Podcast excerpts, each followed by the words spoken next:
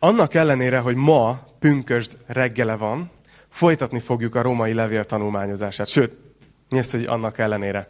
Éppen ezért folytatni fogjuk a római levelet, úgyhogy ha van nálatok Biblia, akkor létszi lapozzatok oda a Róma 15-höz.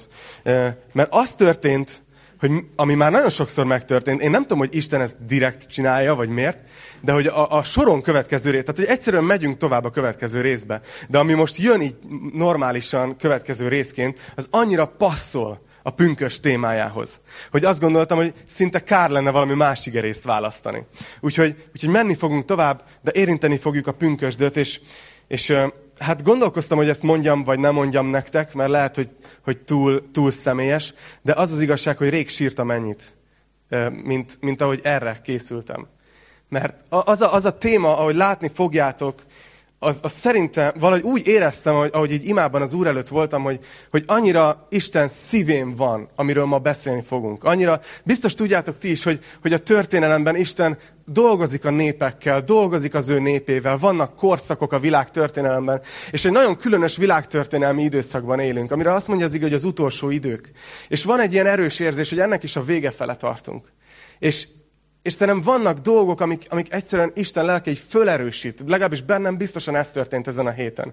Úgyhogy azt szeretném nektek mondani, anélkül, hogy ilyen törvénykezős gyűlit játszanék, hogy tudom, hogy nagyon könnyű, még a legjobb szándékkal is úgy beülni egy Isten tiszteletre, hogy tök jó, megint lesz reméljük egy ilyen bátorító tanítás, és aztán tök jó húsleves vár otthon, vagy valami ilyesmi. De hogy most arra kérlek titeket ma kifejezetten, hogy, hogy még, még jobban adjátok most oda a figyelmeteket és a szíveteket ennek a témának, mert azt hiszem, hogy a Szentlélek szólni akar hozzánk. Legyen bennetek egy ilyen várakozás, hogy vajon Isten nekem mit mond. Nem baj, hogyha ha, ha középkorú vagy, ha fiatal vagy, ha nagyon fiatal vagy, hiszem, hogy Isten szólni akar neked ma. Bátorítalak, hogy legyetek extra jelen. A római levél első nyolc fejezete, amit végig tanulmányoztunk, az gyakorlatilag az evangéliumnak a kifejtése volt. Ugye beszéltünk arról, hogy arról beszél Pál, és az a lényeg az evangéliumnak, hogy egy ember, egy bűnös ember, hogy válhat Isten szemében elfogadhatóvá. Hogy jön az létre, hogy lehetséges, hogy valakire Isten ránéz, és azt mondja, hogy teljesen igaz vagy a szememben, elfogadlak. És azt tanította Pál, hogy bár az emberi logika azt diktálná, hogy, hogy ezt úgy érjük el, hogy nagyon jó életet élünk, hogy erkölcsösek vagyunk, hogy betartjuk a szabályokat. De Isten szemében így senki nem válik elfogadhatóvá, hanem egyedül kegyelemből. Egyedül a hitünk miatt, Jézus Krisztus áldozata miatt fogad el minket Isten. És tényleg elfogad, igaznak. Talán ez a vers annyira szépen összefoglalja, ez talán, talán a legkedvesebb versem a Bibliában. Az Efézus 2.8.9-ben van ez, amikor ezt mondja Pál, hogy hiszen kegyelemből van üdvösségetek. A hit által. És ez nem tőletek van, hanem Isten ajándéka. Nem cselekedetekért, hogy senki se dicsekedjen. Hogy látjátok, hogy azt mondja itt Pál, hogy kegyelemből van üdvösségetek a hit által. Hagy kérdezzem meg, ha ma úgy ülsz itt, hogy az életedet már odattad Jézus Krisztusnak. Volt egy ilyen pont az életedben, amikor imádkoztál, és azt mondtad, hogy Uram, beismerem, hogy bűnös ember vagyok, és odadom az életemet. Köszönöm, hogy meghaltál, értem. Nem tudom, hogy tudod-e, hogy ez azt jelenti, hogy üdvösséged van. Nem lehet, hogy lesz. Nem majd kiderül, hanem üdvösséged van. De nem tudom, hogy tudod-e, hogy ez nem tőled van. Ebben a te érdemed az nulla, hanem kegyelemből hitáltal. Isten szeretetéből. Annyira egyszerűvé tette, hogy ne tudjuk elrontani, értitek? És szeretném ha azt is, hogyha tudnátok, ha valaki még nem adta át az életét, hogy ez nyitva van. Az üdvösség nem a jó embereké, hanem azoké, akik odaadják az életüket az Úrnak. És utána a következő fejezetekben, különösen a 12, 13, 14. fejezetben azt láttuk, hogy milyen hatása van ennek így az életünkre, hogyha értjük ezt a kegyelmet. Ha értjük, hogy mennyire szeret az Isten minket. És a múlt héten Pál már a gyülekezeti kapcsolatokról beszélt, és arról beszélt, hogy hogy vehetjük elejét annak, hogy széthúzás legyen a gyülekezetben. Ugye akkor is elmondtam, hogy ez nyilván nem a kis tartsai Golgotáról szól, ez nyilván más gyülekezetekről szól, hogy ott hogy ne legyen széthúzás, vicc, tehát igen, nekünk is szól. És Pál ezt az egyszerű tanácsot adta, ezt még megismétlem, hogy így fölvegyétek a fonalat, és utána menni fogunk tovább a, a 15. részben. De ezt a tanácsot adta gyakorlatilag, hogy vesszük elejét a széthúzásnak a gyülekezetben. Az első és legfontosabb tanács, hogy ne akadj ki másokon. És nem győztem hangsúlyozni, hogy ez az első és legfontosabb tanítása Pálnak. Tehát akkor vagy engedelmes, ha nem akadsz ki másokon a gyüliben, akik kicsit máshogy látnak dolgokat, máshogy értenek, máshogy élnek meg dolgokat. És utána Pál tanított arról, hogy ha lehet, akkor ne is akasszál ki másokat. Ugye a szeretet útjáról tanított, de, de, de mégis az első volt a fontosabb, és szeretünk erre rá görcsölni, hogy te ne akasszál ki másokat. Viselkedjél úgy, hogy ne botránkoztass meg másokat, de sokkal fontosabb benne, hogy vértesz föl magad azzal, hogy én nem fog senkin kiakadni. Én szeretem ezeket az embereket úgy, ahogy vannak, mert Isten is ilyen. És hogyha ezt úgy megcsinálnánk, akkor nem lenne szükség a másodikra. Van. Úgyhogy ez volt a múlt heti témánk, hogyha nem voltál itt, akkor nyugodtan keresd vissza az archívumban. És Pál most, ahogy folytatjuk, arról fog beszélni, hogy mi a motivációnk erre. Hogy miért kell ennyire jó fejnek lennünk egymással. Hogy miért kell elfogadnunk egymást, és nem elítélnünk egymást. Jó? Úgyhogy ha készen álltok, akkor Róma 15 első verse. Azt mondja, mi erősek, pedig tartozunk azzal, hogy az erőtlenek gyengeségeit hordozzuk, és ne a magunk kedvére éljünk. Mindegyikünk a fele barátja kedvét keresse, mégpedig annak javára és épülésére. Itt meg is állok. Pál, amit itt behoz, ugye akkor ne, ő nem így írta a leveleket, hogy na, akkor itt van a Róma 14 vége, akkor most egy új fejezetet kezdek. Akkoriban a levelek egy ilyen hosszú pergamenen voltak végig. Tehát itt igazából, akik utólag ezt rendszerezték, érezték úgy, hogy van egy témaváltás. De itt mégis kapcsolódik a 14. fejezetbe, tehát hogy miért legyünk jó fejek egymással, és azt mondja Pál, behoz egy témát, hogy mert tartozunk azzal, hogy ne a magunk kedvére éljünk, hanem a másik kedvére éljünk. Nagyon érdekes gondolat. A kultúra, ami körbevesz minket, az úgy látom, hogy, hogy teljesen arról szól, hogy élj a magad kedvére. Igaz? Hogy, hogy valósítsd meg azt az életet, amire te igazán vágysz. Hozd ki azt az életből, amit te szeretnél. Valósítsd meg az álmaidat. Merj nagyot álmodni, és utána merd megvalósítani. És arról beszél, hogy valósítsd meg azt, ami a te vágyad. Mert megérdemled. Nem, a L'Oreal nem szponzorálja ezt az ige hirdetést. De, de ez, ez a mondani valója a kultúrának.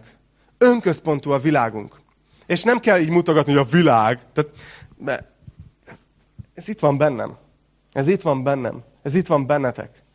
Ez, ez nagyon természetesen jön nekünk. Nagyon könnyű önközpontúan élni, mert az, az természetesen jön. Nagyon könnyű a saját kedvünkre élni. De azért annyira nem működik ez, nem? Olyan fura, hogy éppen ma, amikor talán a legjobban kiteljesedett ez a gondolkozás, hogy élj a magad kedvére. Annyi korjel van a világunkban. Talán, talán soha nem volt ennyi harag föl, fölgyűlve az emberekben. Csak mész a forgalomba, csak, csak látsz hajléktalanokat, csak meghallgatod egy szülő, hogy hogy beszél a gyerekével az osamba, vagy annyira azt érzem, hogy, hogy ez szinte egy ilyen, egy ilyen népbetegség most, hogy tele vagyunk indulattal. Valahol azért van, mert elvárjuk, hogy minden a mi kedvünkre történjen, és amikor nem ez történik, akkor bá, durranunk. Nézzétek meg, hogy milyen, talán soha nem volt ennyi aggódás. Talán soha nem voltak ennyire kimerültek az emberek.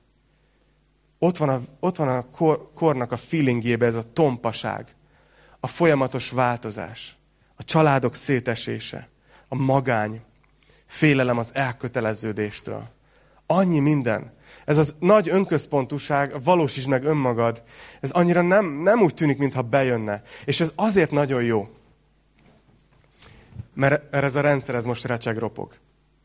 És Istennek hamarosan lesz újra egy ilyen nagyon nagy, én hiszem ezt, most úgy mondtam, mint hogy ez ilyen tény lenne, de azért, mert annyira erősen él bennem, hogy nagyon hamar, nagyon sok ember rá fog ébredni, hogy ez az önközpontú élet, ez nem működik. És keresnek már most az emberek. Nagyon, egyre többen keresik az igazságot, keresik, hogy hol az igazi megoldás. Mert úgy tűnik, hogy ez nem jött be. És Pál azt mondja, hogy mi ne így éljünk, keresztények. Mi ne a magunk kedvére éljünk, hanem azt mondja, hogy mások kedvére éljünk. Na most azért ez radikális, igaz? Most nem hallok nagy ámmeneket, meg nem látok sok mosolyt, meg bólogatást. Igen, ne a magunk kedvére, hanem mások kedvére. Nagyon könnyű ezt félreérteni. Mert azt jelenteni ez, hogy Pál azt tanítja, hogy neked ne legyenek céljaid, és te csak, te csak teljesen szolga lelken másokért élj, és én másoktól függő kapcsolatban élj. Nem gondolom, hogy ezt tanítja. De azt mondja, hogy ha az életednek inkább az van a középpontjában, hogy, hogy azt nézed, hogy mások életét hogy teheted jobbá, akkor, akkor ez egy egészségesebb élet, mint a folyamatosan azon dolgozol, hogy neked jobb legyen. És, és amit iről itt beszél Pál, az egyszerűen így szoktuk nevezni, hogy szolgálat. A szolgálat az a gyülibe főleg el tud változni egy furcsa szóvá. Néha szolgálatnak nevezzük a, a, a mondjuk a azt, ami mondjuk méltóság teljes, vagy fontos dolog, de a szolgálat szóba benne van, hogy valaki másért teszel valamit. És azt mondja Pál, hogy éljünk így. És utána folytatja, hogy miért, hogy kicsoda ebben a példa. Azt mondja, hogy hiszen Krisztus sem a maga kedvére élt. Hoppá! Jézus Krisztus azt mondja róla itt az ige, hogy nem a maga kedvére élt, hanem amint megvan írva, te gyalázóid gyalázásai hullottak én rám. Mert amit korábban megírtak, a mi tanításunkra írták meg, hogy az írásból türelmet és vigasztalást merítve reménykedjünk. A türelem és a vigasztalás Istene pedig adja meg nektek, hogy egyetértés legyen közöttetek Jézus Krisztus akarata szerint, hogy egy szívvel, egy szájjal dicsőítsétek az Úr Jézus Krisztus Istenét és Atyát. Látjátok, hogy Pál itt még a gyülekezetről beszél. Hogy hogy lesz egység a gyülekezetben. És az egység a gyülekezetben az nem úgy jön létre, hogy valakik eldöntik, hogy mi a helyes, és ahhoz kell igazodnunk. Egység a gyülekezetben akkor van, ha ebben egyezünk meg, hogy szolgálunk egymás felé. Hogyan tehetem jobbá a másik életét? Hogy tudok szeretetet közvetíteni felé? És hogyha mindenkinek ez a hozzáállás, az a gyülekezet egységes lesz. És azt mondja Pál, hogy imádkozom, hogy, hogy adja meg Isten nektek ezt. És azt mondja, hogy erre az egészre a példa Jézus Krisztus, aki nem a maga kedvére élt. És ez nekem egy, egy új gondolat volt, ahogy készültem. Hogy valahogy sose gondoltam így Jézusra. Azt gondoltam, hogy hát, hát ő a megváltó, neki úgymond ez a feladata, hogy persze, hát ő eljön és megvált minket, mert, mert ő neki ez a jó. De itt konkrétan azt tanítja a Biblia, hogy ez nem Jézusnak volt jó. Hogy Jézus úgy döntött, hogy ő nem a maga kedvére fog élni, hanem akkor kinek a kedvére? A mi kedvünkre. Hogy értünk, adta oda az életét. Minket tett a saját motivációs rendszerének a középpontjává. És a Filippi 2-ben ez annyira szépen le van írva. Filippi 2, 5-től 8-ig Pál beszél Jézus Krisztusról. És azt mondja, hogy az az indulat legyen bennetek, amely a Krisztus Jézusban is megvolt. Aki Isten formájában lévén nem tekintette zsákmánynak, hogy egyenlő Istennel, hanem megüresítette önmagát. Szolgai formát vett fel. Emberekhez hasonlóvá lett, és emberként élt. Megalázta magát, és engedelmes volt mind halálig, mégpedig a kereszt halálig. Hogy Jézus ezt az egészet azért csinálta végig, mert hozott egy döntést, hogy nem a maga kedvére él, hanem értünk. Eljött megmenteni engem, eljött megmenteni téged. A Szent Isten, mert lehet, hogy fölmerül a kérdés, hogy miért kellett Jézusnak eljönni? Miért kellett értünk meghalni? Az a helyzet, hogy a Bibliának az egyik legfőbb tanítás, hogy Isten szent. Az azt jelenti, hogy ő, ő teljesen más, mint mi. Ő tökéletes, teljesen igaz. És ezért, amikor az emberek az igazsággal szemben tesznek valamit, ezt nevezi a Biblia bűnnek, akkor Isten hogyha ha azt mondaná, hogy á, Enikő, neked ezt most elnézzük, jó? Bírlak. És besöpörni a szőnyeg alá a bűnt, akkor nem mondhatná Isten magáról a Bibliában, hogy ő szent. Akkor meghazudtolná saját magát. És Isten nem teheti ezt meg, hogy meghazudtolja magát. Akkor milyen módon lenne ő az Istenünk? Milyen módon mondhatná azt, hogy ő szent? Mi módon mondanák az angyalok a mennybe, hogy szent, szent, szent a seregek ura? De Isten, a Szent Isten nem csak szent, hanem nagyon szerető szívű. És ezért úgy döntött, hogy bár nem söpörheti szőnyeg alá a bűneinket, de azért, hogy ne kelljen minket eltaszítani a magától. Hogy minket ő befogadhasson, magához fogadhasson. Ezért saját magán hajtotta végre az ítéletét a bűneinknek. És ez történt velünk. És itt nagyon fontos megjegyezni az, hogy a gyülekezetben nem jó emberek járnak. A gyülekezet nem egy olyan hely, ahol jó vallásos, erkölcsös emberek járnak. A gyülekezetben többnyire olyan emberek járnak, akik pontosan tudatában vannak annak, hogy mennyire gázos az életük. És tudják, hogy szükségük van egy megváltóra. Szükségük van valakire, aki lerendezte a bűneiket a kereszten. És ezért jönnek. És ezért mi nem jó emberek vagyunk, hanem megkegyelmezett emberek. Megkegyelmezett emberek. Ez történt velünk. És ezért mondja azt, hogy ha, ha Krisztus ezt tette velünk, hogy befogadott minket, nagyon nagy ára volt. Ezt mondja a hetedik versben, így folytatja Pál, hogy ezért fogadjátok be egymást. Ahogyan Krisztus is befogadott titeket az Isten dicsőségére. Mennyire, mennyire szép ez a mondat, nem? És ezért figyeljetek, nagyon fontos, és, és tanítom magamat is, mert olyan sokszor elbukok ebbe.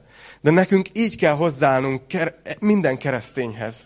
Befogadni egymást.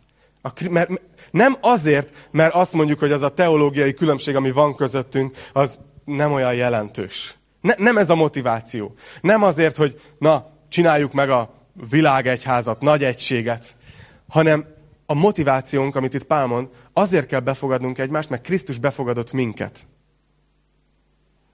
Ha belegondolsz, hogy neked Isten mennyit bocsátott meg, hogy te mennyi mindent lehet, hogy nem gondolsz még jól, és Isten mégis befogadott téged, akkor mi jogod van valaki karnyújtásnyi távolságra tartani, akivel nem értesz egyet. Azt mondja Pál, hogy fogadjátok be egymást. És ugye ne felejtsük el, és itt kicsit vissza is tér ehhez a témához, és aztán mindjárt a pünkösdre is rátérünk, hogy, hogy azért írta Pál ezt, mert zsidó és pogány hátterű hívők voltak a gyülekezetben. Nagyon más szokásokkal, nagyon más kultúrából, nagyon különböző világnézettel. És ezért volt konfliktus bőven az első gyülekezetekben. És Pál tanítja nekik, hogy figyeljetek, zsidó testvérek, nem nézzük le a pogányokat. Pogány testvérek, nem nézzük le a zsidókat. Fogadjátok be egymást. Tessék, tessék befogadni egymást. És utána tisztázza, hogy Jézus az nem csak a zsidók elérésére jött. Nézzük, olvassuk el itt a 8-től a 13. versig együtt. Hogy, hogy Krisztus, hogy van ezzel, hogy Krisztus, akkor most a zsidóságé, vagy a, vagy a pogányoké, a népeké. Erről kezd el beszélni. Mert azt mondom, 8. vers, hogy Krisztus a zsidóság szolgájává lett, Isten igazságáért. Hogy megerősítse az atyáknak adott ígéreteket. A népek pedig irgalmáért dicsőítsék Istent, amint megvan írva. Ezért magasztallak téged a népek között, és nevednek, dicséretet éneklek. Itt az Ószövetségből idéz Pál. Isten hoz egy következő idézetet. Azután ezt is mondja, örüljetek népek az ő népével együtt.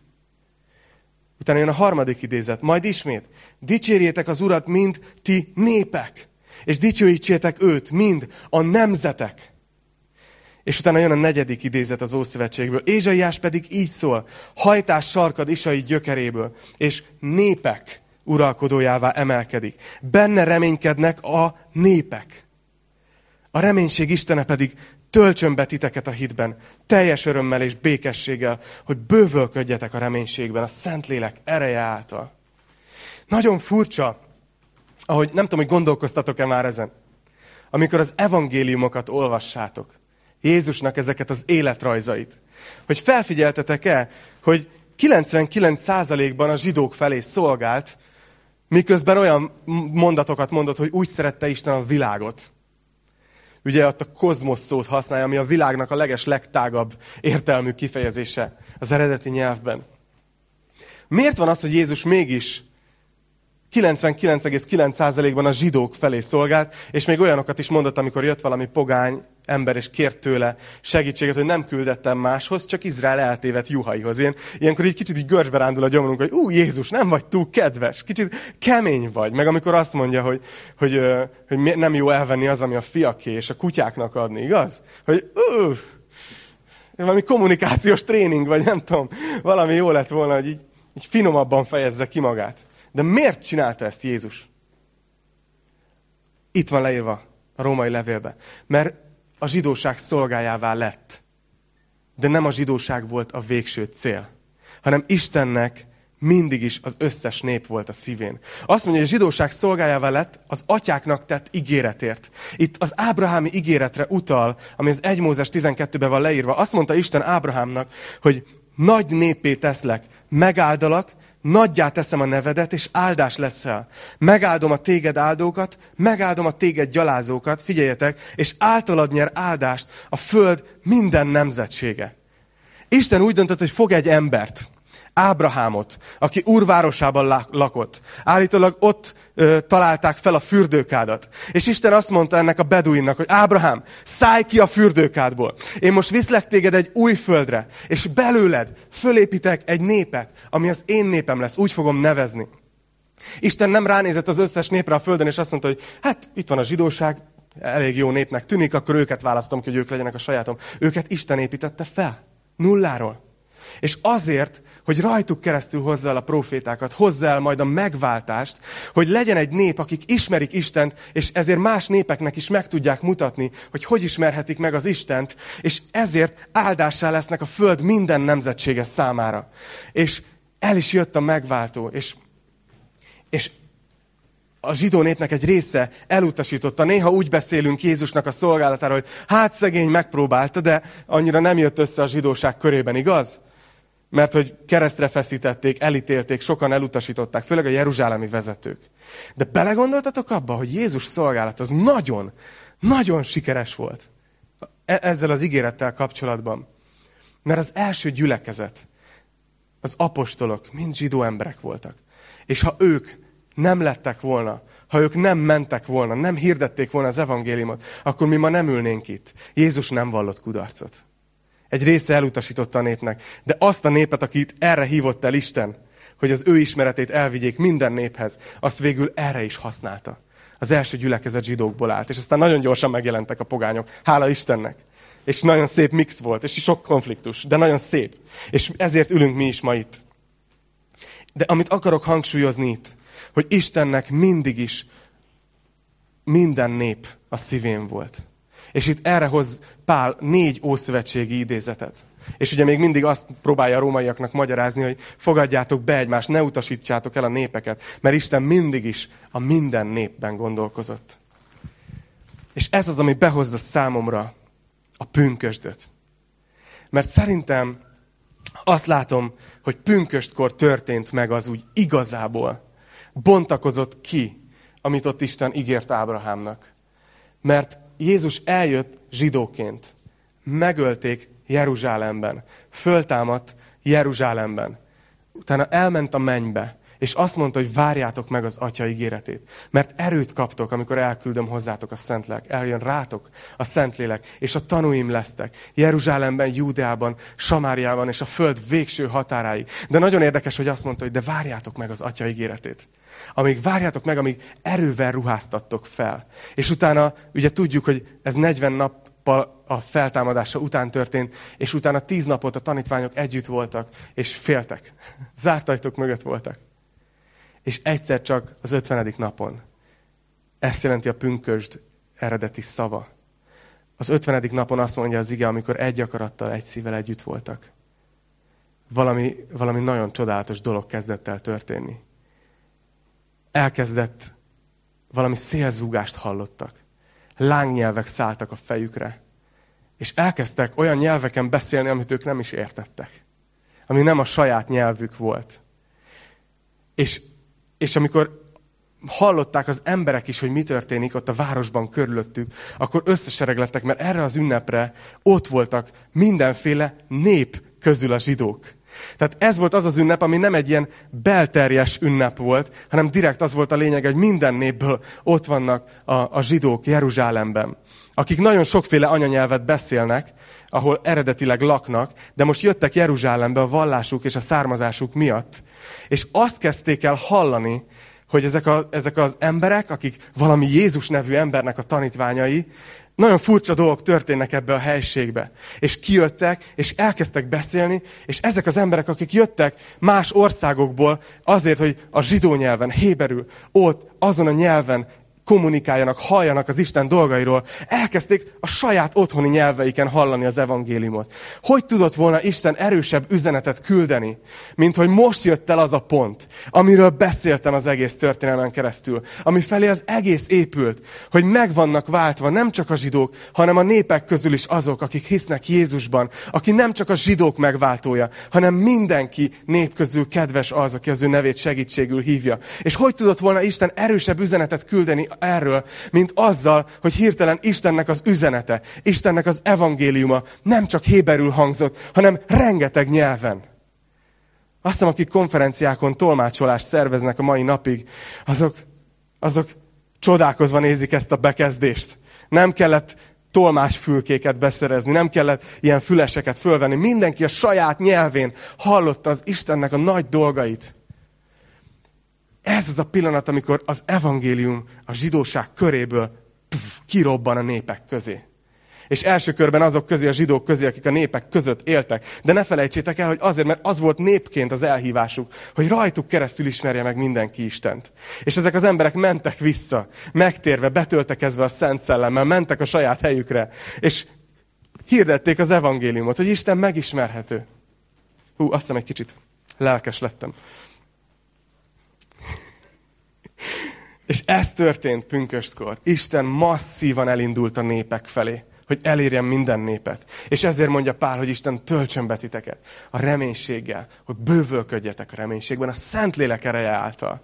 A Szentlélek eljövetelének az ünnepe a pünköst. És, és hagyd kérdezzelek meg titeket, nem ilyen, ilyen lelkiismeret furdalósan, de hogy ismeritek-e ezt az erőt?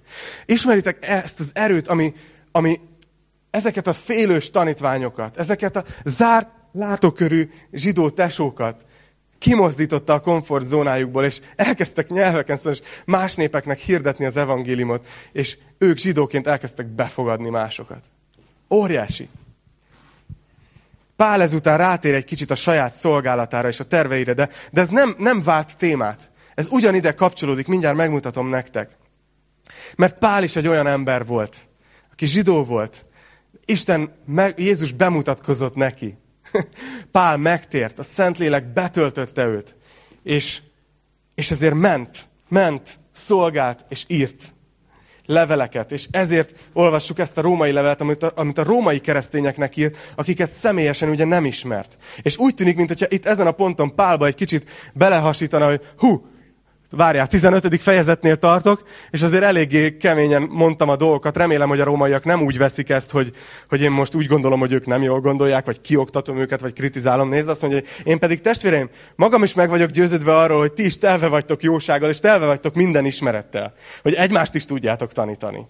Ezért egy kicsit merészebben írtam nektek. Így érzi Pál, hogy egy kicsit merész volt sok dologban, amit írt. Mint egy emlékeztetve titeket, mert hogy arra kaptam kegyelmi ajándékot Istentől, hogy a népekért legyek Krisztus Jézus szolgája. Aki Isten evangéliumnak papi szolgálatát végzem, hogy a népek áldozata a Szentlélek által megszentelt és kedves legyen. Krisztus Jézusban tehát van okom a dicsekvésre Isten előtt. Annyira jó, nem? Pál azt mondja, hogy nekem van okom a dicsekvésre Isten előtt. Mert semmi olyanról nem mernék beszélni, amit ne Krisztus tett volna általam a népek megtéréséért, szóval és tettel. Jelek és csodák erejével, a lélek erejével. Így hirdethettem Jeruzsálemtől kezdve mindenfelé, egész Illíriáig Krisztus evangéliumát. Ezért úgy tartottam becsületesnek, hogy az evangéliumot ne ott hirdessem, ahol Krisztust már ismerik, hogy ne idegen alapra építsek, hanem amint megvan írva, meglátják őt azok, akiknek még nem hirdették, és akik még nem hallották, azok megértik. Látjátok, Isten ezeket a dolgokat az Ószövetségbe eltette, hogy ő azt, azt szeretné, ha mindenki meghallaná, azok is, akik nem hallották még az evangéliumot, és akik még nem értik, megértenék. Ez ott van az Ószövetségben, és Pál arra hivatkozik, hogy ő, hogy ő így szolgált. És itt egy kicsi ilyen átfogó képet ad arra, hogy merre felé szolgált, megnézhetitek a térképen. Ez egy nagyon nagy terület, ahol, amit ő bejárt és szolgált. Szeretnék itt beszélni egy dologról, ami Pálnak az alapelve volt, és itt látjuk is, hogy azt mondja, hogy ő ott akarta hirdetni az evangéliumot, ahol még nem hirdették. Figyeltétek ezt? Hogy azt mondja, hogy úgy tartottam becsületesnek, hogy az evangéliumot ne ott hirdessem, ahol Krisztust már ismerik. Hogy ne idegen alapra építsek. Érdekes, hogy Pálnak ez egy alapelve volt. És most, most kicsit így kiteszem a szívemet elétek, drága gyülekezet. Mert nem tudom pontosan, hogy mit kell kezdenünk ezzel, de, de hogy készültem, úgy éreztem, hogy ezzel muszáj, muszáj lesz valamit kezdenünk. Hogy, na, hogy, hogy hol hirdetjük az evangéliumot. Nem tudom még, hogy, hogy pontosan mit jelent ez nekünk. De valamit kezdenünk kell. Néhány, néhány statisztikát hagyosszak meg veletek, jó? Hogy hogy áll a világmisszió. Valakit érdekel? Hát jó, három embert. Szuper. Csak nézzétek meg, hogy, hogy hogy áll ma a világ. Hogy áll az, amit Jézus mondott, hogy menjetek el és tegyetek tanítványán minden népet. Hol tartunk ebben? A világon, a világ lakosságának a 33 százaléka kereszténynek vallja magát. És Isten a bírája annak, hogy ebből mennyi a kulturális kereszténység, mennyi Jézus tanítványa, nem tudjuk. De 33 százalék azt mondja, hogy én keresztény vagyok. 33.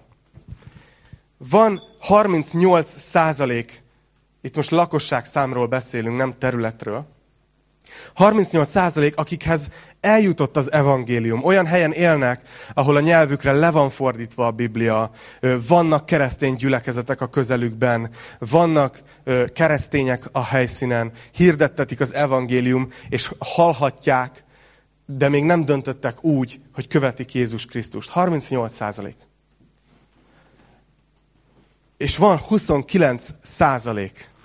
Ez a föld lakosságának a 29 százaléka, ahol, ahol nem férnek hozzá emberek az evangéliumhoz. Ami azt jelenti, hogy két százaléknál kevesebb abban a népcsoportban élő keresztények száma. Sokszor azt jelenti, hogy nincs lefordítva arra nyelvre a Biblia. Hogy nincs missziós munka közöttük. 29 százalék. És az a, abban a döbbenetes korban élünk, hogy miközben a Szentlélek valami csodálatos dolgot csinált az elmúlt 25 évben.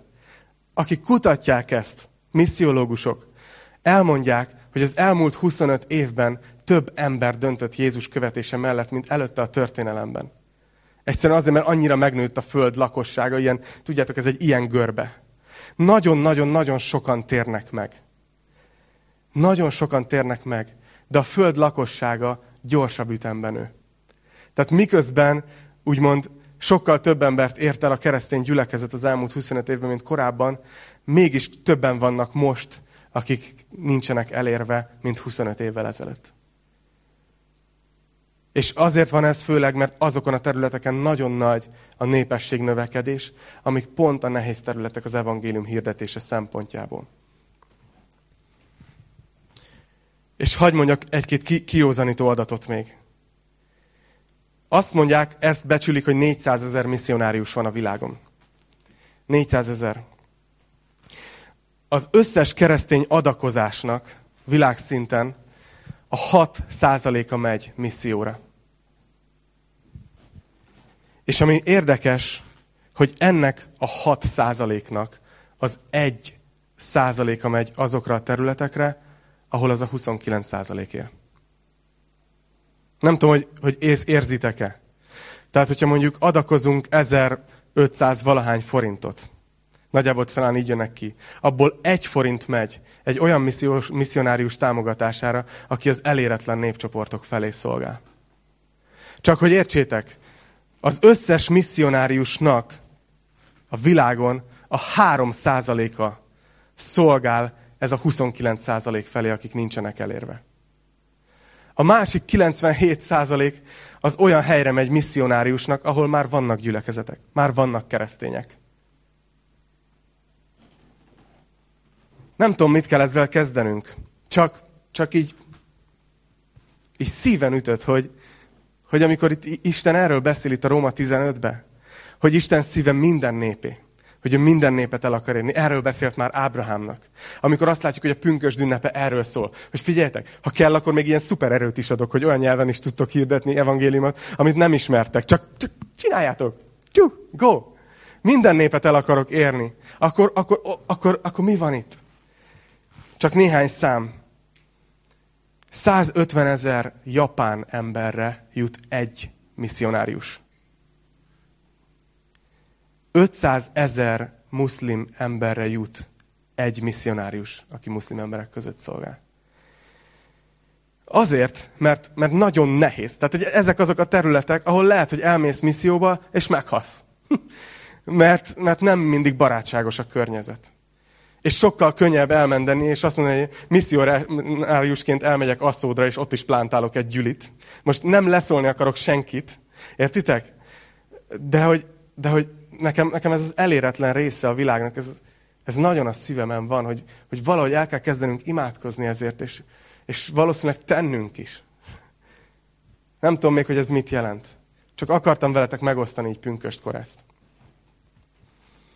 És vannak, akik azt mondják, hogy jó, 400 ezer misszionárius, nem annyi misszionárius van, mindannyian misszionáriusok vagyunk. És az az evangélium ma egyébként tényleg nagyon sok esetben személyes kapcsolatokon terjed. És egyébként Isten vannak trükkjei. Rengeteg arab ember tér meg úgy, hogy álmokat kapnak Jézusról.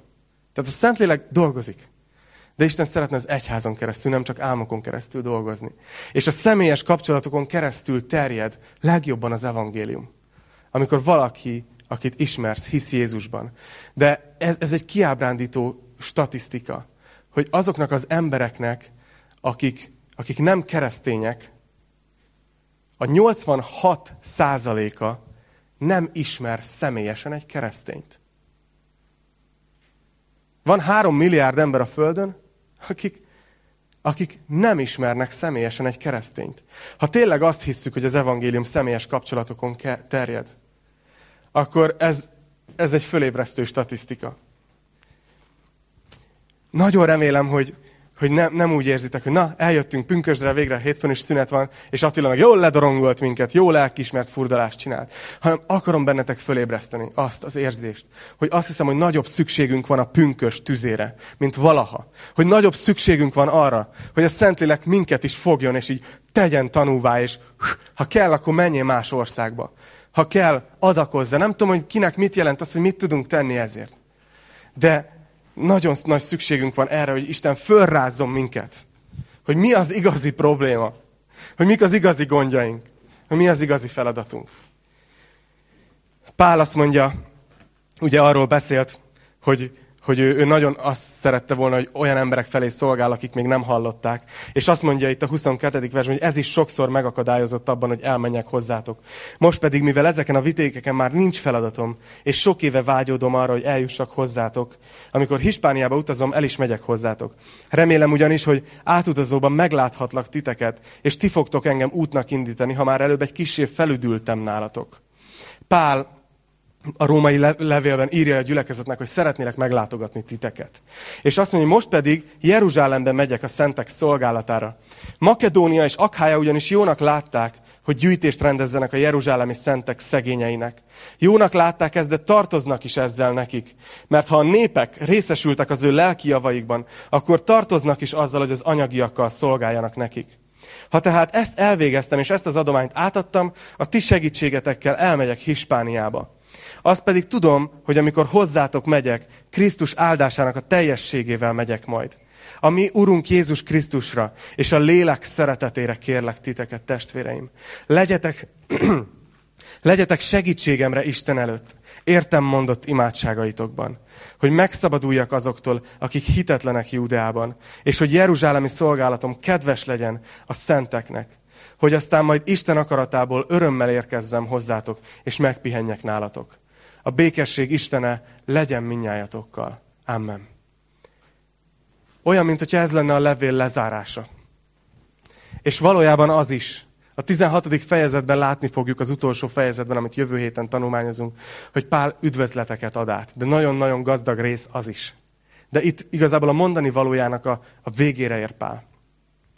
És csak annyit szeretnék kiemelni ebből a részből nektek, bátorításként, hogy érdekes, hogy Pál itt azt mondja, hogy hát most gyorsan elmegyek Jeruzsálembe, átadom ezt az adományt, és aztán már jövök is hozzátok. Tehát szerintem Pál itt maximum hónapokba gondolkozik, hogy Rómába fog eljutni. De ugye nemrég tanulmányoztuk végig az abcsát, És tudjátok, hogy ez a kiruccanás Jeruzsálembe, ez bebörtönzés, fogság, két év.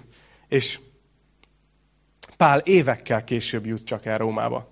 És azt is olvastuk az abcsel végén, hogy amikor viszont eljutott Rómába, akkor a római keresztények, akiknek ez a levél szól, elé jöttek, ugye, a fórumig, és együtt mentek vele. Tehát a levél elérte a hasznát, de amit akarok, hogy meglássatok, hogy még egy apostol sem tudta pontosan, hogy mi következik. Hogy úgy gondolta, hogy most viszem az adományt, aztán jövök is, kedves rómaiak.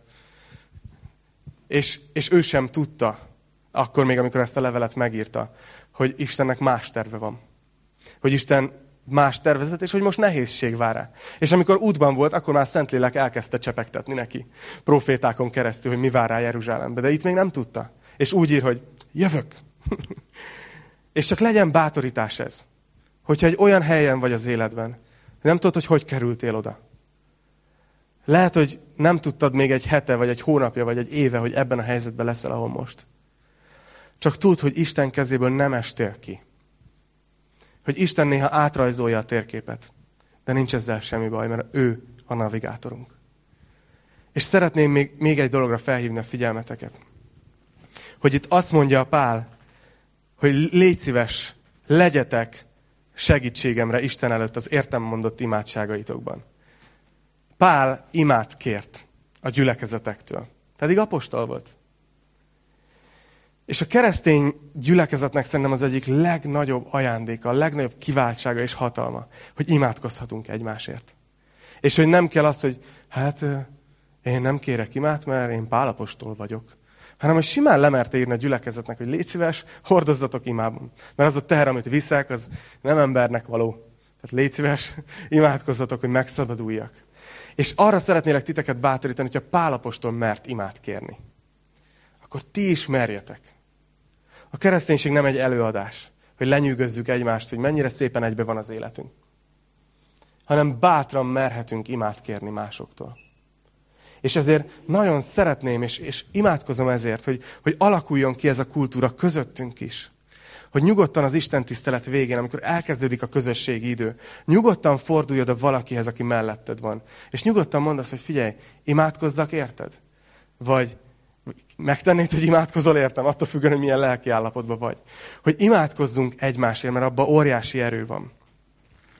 Remélem, hogy áldás volt számotokra ez a római levélnek a 15. fejezete. És remélem, hogy, hogy látjátok, hogy ez az egész dolog, minden, amiről beszéltünk, az, hogy Pál azt mondja, hogy ne a saját kedvünkre éljünk. Ez Jézusra mutat. Hogy azt mondja, hogy talán akkor értjük meg, hogy dolgunk van a népek között, ha nem a saját kis komfortos életünket éljük, hanem, hanem mások kedvére, szolgáló életet akarunk élni. És ez is Jézus miatt van, mert ő neki a népek vannak a szívén. És minden, az egész életünk Jézusról szól. És ez csak azért van, mert Pál nem, nem törvénykezve írja ezeket, hanem azután írja, hogy nyolc fejezeten át taglalta azt, hogy mennyire szeret minket Isten. Hogy mennyire elvett tőlünk minden vádat. Hogy nincs semmi kárhoztatás azok ellen, akik Krisztus Jézusban vannak. Azután mondja ezt, hogy tanította, hogy hitáltal, kegyelemből van üdvösségünk. És hogy hitáltal, kegyelemből van üdvösségünk. És hogy ez az egész, amiről beszélünk. Még a misszió is. Tudjátok, hogy a keresztre mutat. Annyira tetszik, van az egyház történelemben egy időszak, amit a morva misszionáriusok időszakának neveznek, egy Cincendorf gróf nevű vezető városából és lelki közösségéből nagyon sok misszionáriust küldtek ki. És nagyon sokan úgy mentek, hogy tudták, hogy nem fognak visszajönni. És amikor ott álltak a csónakokban, és, és ott volt az idő, hogy menjenek, és hirdessék az evangéliumot, és búcsúztak a családjuktól, és így eltávolodtak a parttól, akkor, akkor ezt kiabálták vissza, hogy méltó a megöletett bárány. Hogy megkapja a szenvedéseinek a gyümölcsét a népek között. Úgyhogy, ahogy most urvacsorázni fogunk, szeretném, hogyha két dolog lebegne a szemetek előtt. Lebegjen az a szemetek előtt, amiről beszéltem. És gyertek nyugodtan, Peti, álljatok be addig. Lebegjen az a szemetek előtt, hogy hogy ti kegyelemből megváltott emberek vagytok. Hogyha hisztek Jézus Krisztusban, erről szól az úrvacsora, az úrvacsora hívőknek van. Hogyha, hogyha te hiszel abban, hogy Jézus Krisztus érted meghalt, akkor tudhatod, hogy üdvösséged van kegyelemből, hitáltal. Óriási dolog. Nézd rá erre a szőlőlére és erre a pászkára, és köszönd meg Istennek. És Léci, hagyd ma legalább öt percre abba azt, hogy nem vagyok elég jó, hogy nem vagyok elég tökéletes, hogy még mindig vannak bűneim, és fogad el Istennek a kegyelmét. De ma arra szeretnélek kérni titeket, amit nem szoktam máskor hangsúlyozni, hogy ahogy, ahogy nézitek ezt a szőlőlét és ezt a pászkát, jusson eszetekbe az, hogy ez a vér, ez azokért a népekért is kifolyt, 29 százalékért. Ez a test, őértük is megtöretett. És legyen ez jó, tehát ma pünkösd van. Mikor legyünk lelkesek, ha nem ma? Kérlek, hogy ahogy urvacsoráztok, imádkozzatok. Azért, hogy a világ misszió ugye menjen előre. És imádkozzatok azért, és ha lehet, akkor bátorítalak arra is, hogy otthon is forgassátok ezt a szívetekben, hogy, hogy mi a ti részetek ebben. Hogy, és és ne, tényleg nem ilyen nyomásgyakorlós módon próbálom ezt, hanem hogy hogy tudsz te becsatlakozni ebben a nagy történetbe. És csak kérd Istent, hogy küldjön munkásokat az aratásba. Aztán majd ne lepődj meg nagyon, ha téged küld, de kérlek, hogy imádkozz azért, hogy Isten küldjön munkásokat az aratásba. Úgyhogy ezzel a lelkülettel, ezzel a szívvel úrvacsorázzunk most. És a, ahogy befejezem az imádkozást, az élő közvetítés már meg fog állni, úgyhogy akik az interneten keresztül néztek, ti nektek nagyon köszönjük, hogy velünk voltatok, Isten áldjon meg titeket is, és még imádkozzatok velünk. Atyám, köszönöm neked azt, hogy te szeretsz minket. Köszönöm neked azt, hogy beszélsz hozzánk. Köszönöm neked az igédet. Kérlek, Uram, hogy, hogy segíts, hogy jól értsük azt, amit mondani szeretnél ma reggel a te népednek. Imádkozom azért, Uram, hogy ma, amikor pünkösdre emlékszünk, amikor elküldted, kiöntötted a szellemedet, Uram, a benned hívőkre, hogy ma tölts be újra minket. Szeretnénk újra betöltekezni veled teljesen. Kérlek, hogy tölts be minket akár több egyszerre, vagy ha valakinek még nem volt ilyen élménye, Uram, kérlek, hogy ma tedd meg. Tölts be. Ömölj ki ránk újra. Uram, nem öncélúan kérjük ezt, hanem szeretnénk bevonódni a te tervedbe. Szeretnénk a tanúid lenni. Szeretnénk a te evangéliumodat hirdetni. A mi népünk között, de más népek között is. És Uram, szeretnék még imádkozni, nem csak a kis tartsai gyűliért, hanem az összes gyülekezetért, az egész föld színén, minden keresztényért. Uram, kérlek, ébrezgesd a te mennyasszonyodat. Imádkozom azért, hogy, hogy önts ki a te erődet, add a te vezetésedet. Uram, hogy tudjuk hirdetni az evangéliumodat, hogy tudjunk tanítványát tenni minden népet valóban. Uram, kérlek, vezess minket ebben egyenként. Azt mondják sokszor, hogy a tudásunk sokkal nagyobb, mint az engedelmességünk. Uram, kérlek, hogy, hogy ébreszt fel bennünk az engedelmesség lelkét. Hogy menjünk, ahogy a te lelked vezet, hogy merjük átadni neki a kormányt. Én magamért is imádkozom, Uram. Annyira hajlamos vagyok kényelmesen elüldögélni a helyemen. Kérlek, hogy mutasd meg, hogy hol a feladatom ebben. És kérlek, mutasd meg mindenkinek, aki hallgatja ezt a tanítást, és velem együtt imádkozik. Az Úr Jézus nevében imádkozunk. Abban a névben, ami előtt minden, ami előtt minden nép, minden nyelv, minden törzs meg fog hajolni, és még nem látjuk, hogy ez hogy fog történni, Uram. De kérünk, hogy ezt teljesítsd be. Imádkozom azért, Jézus, hogy most emlékezünk a Te halálodra az úrvacsorában, hogy ébreszt föl bennünk azt, hogy miért vagyunk ezen a földön. Te nevedben imádkozunk. Amen.